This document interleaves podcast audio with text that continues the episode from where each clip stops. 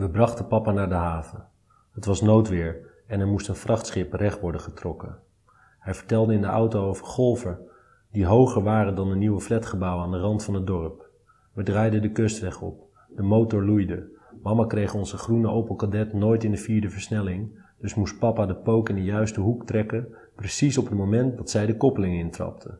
Na een poging of acht en een eindeloze reeks godverde godvers gaf mama papa een fikse map op zijn hand. We bleven in z'n drie. De auto had het zwaar. De regen droop van de ruiten als zweetdruppels van een voorhoofd.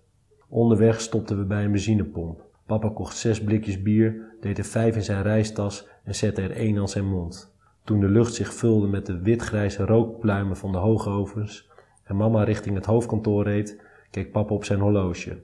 We zijn wat aan de vroege kant. Rij me anders maar even naar de bruinvis. We haalden papa hier wel eens op, maar hadden hem er nog nooit afgezet. En hoewel het nog geen elf uur in de ochtend was, zat het café bomvol. Ik tilde papa's reistas uit de auto. Mama gaf hem een kus. Daarna tilde hij Jessica en mij op. Lief zijn voor mama, zei hij, tot over een dag of tien. Hij stapte de deur van de bruinvis binnen, gooide zijn tas in de hoek. Hij werd amicaal op zijn schouders geslagen, alsof ze op hem hadden gewacht. S'avonds werd er gebeld. Ik lag al op bed. Niet opkomen dagen, hoorde ik mama zeggen. Maar we hebben hem vanochtend zelf afgezet. Ja, nee, ja, bij de bruinvis natuurlijk. Jezus, ja, ja, bel maar als je iets weet. Die idioot heeft de boot gemist, zei mijn moeder de volgende dag bij het ontbijt. Hij zal vandaag alweer op de stoep staan hier. Maar papa stond die dag niet op de stoep. En de dag daarna ook niet. En de dag daarna ook niet. Mama belde met iedereen en iedereen belde met mama, behalve papa. De deur werd platgelopen en oma zei: Zo'n gek, hè, die vader van jullie. Oh, waar zal hij zijn? Ik denk niet dat hij nog terugkomt, denk je wel? Toen Jessica begon te huilen, zei mama dat ze zich geen zorgen hoefde te maken, want ze wist wel waar hij uithing. Ik ging naar school, leerde vermenigvuldigen en delen, stond op zaterdag te klappertanden op het voetbalveld. Papa was weg en bleef weg. Op een middag, toen ik thuis kwam van school, zat mama aan de keukentafel. Ze staarde voor zich uit. Voor haar lag een brief. Ik herkende het logo met het anker en de kabels.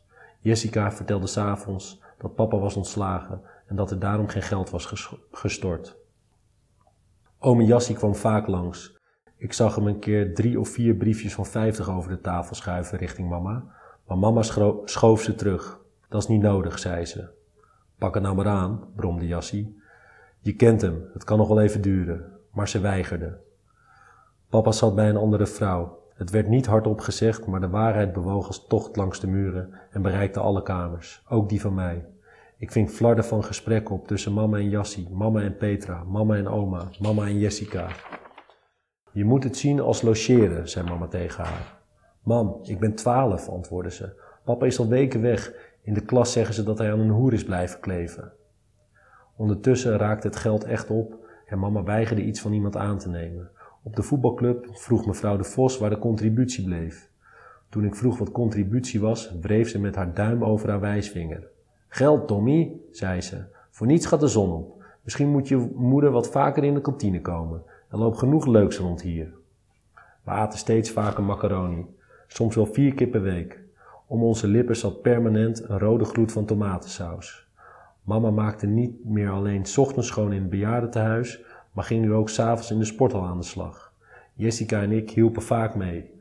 Dan leegden we vuilnisbakken, borstelden wc's en gingen met een stofdoek langs de bokken, trampolines en evenwichtsbalken. Mama leende geld uit onze spaarpotten. Schrijf maar even op hoeveel ik eruit haal, dan krijg je het later weer terug.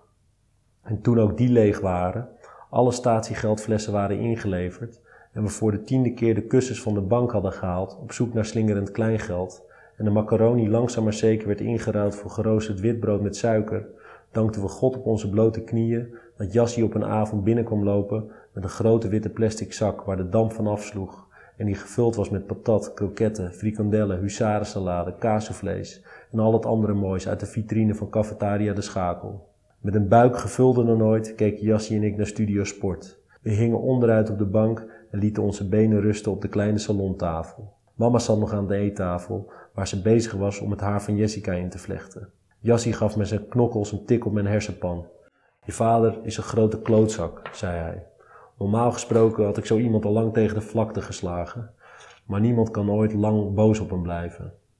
Ik wel, Jassie, zei mijn moeder kortaf. Na een maand of vier, waarin we langzaam gewend waren geraakt aan papa's afwezigheid, vertelde Jessica me dat ze had gehoord dat papa weg was bij die vrouw, of dat die vrouw weg was bij papa. Jassie sprak hem af en toe, vertelde ze, en nu wilde hij weer contact met mama. De onrust die was gaan liggen vlamde op. Er werd veel gebeld.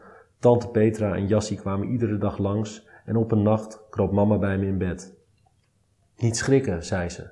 Je vader is terug. Ik slaap nog even een paar uurtjes bij jou. Het bed was veel te klein voor ons twee. Mama draaide en draaide. En ik viel soms even in slaap, maar lag de meeste tijd wakker. Toen het licht begon te worden, kroop ik uit bed en liep ik naar de grote slaapkamer. De deur stond op een kiertje. Ik zag zijn contouren en het gloeiende oranje, oranje puntje van zijn checkie. Hij zat rechtop in bed. Ik wist niet of hij me zag, bleef een paar seconden staan en ging toen terug naar mijn kamer waar mama nog lag te slapen. Ik schudde haar wakker. Ze wreef de slaap uit haar ogen en trok me tegen haar aan. Sorry, lieverd, zei ze. Vanavond slaap ik weer in mijn eigen bed. Bij papa? vroeg ik. Nee, zei ze, alleen. Toen we opstonden, keek ik nog een keer door de openstaande deur van de grote slaapkamer. Zag niets, maar hoorde alleen iemand heel zwaar ademen. Jessica kwam bij me staan. Ze wilde hem wakker maken, maar mama schudde haar hoofd. We gaan straks naar de rechtswinkel.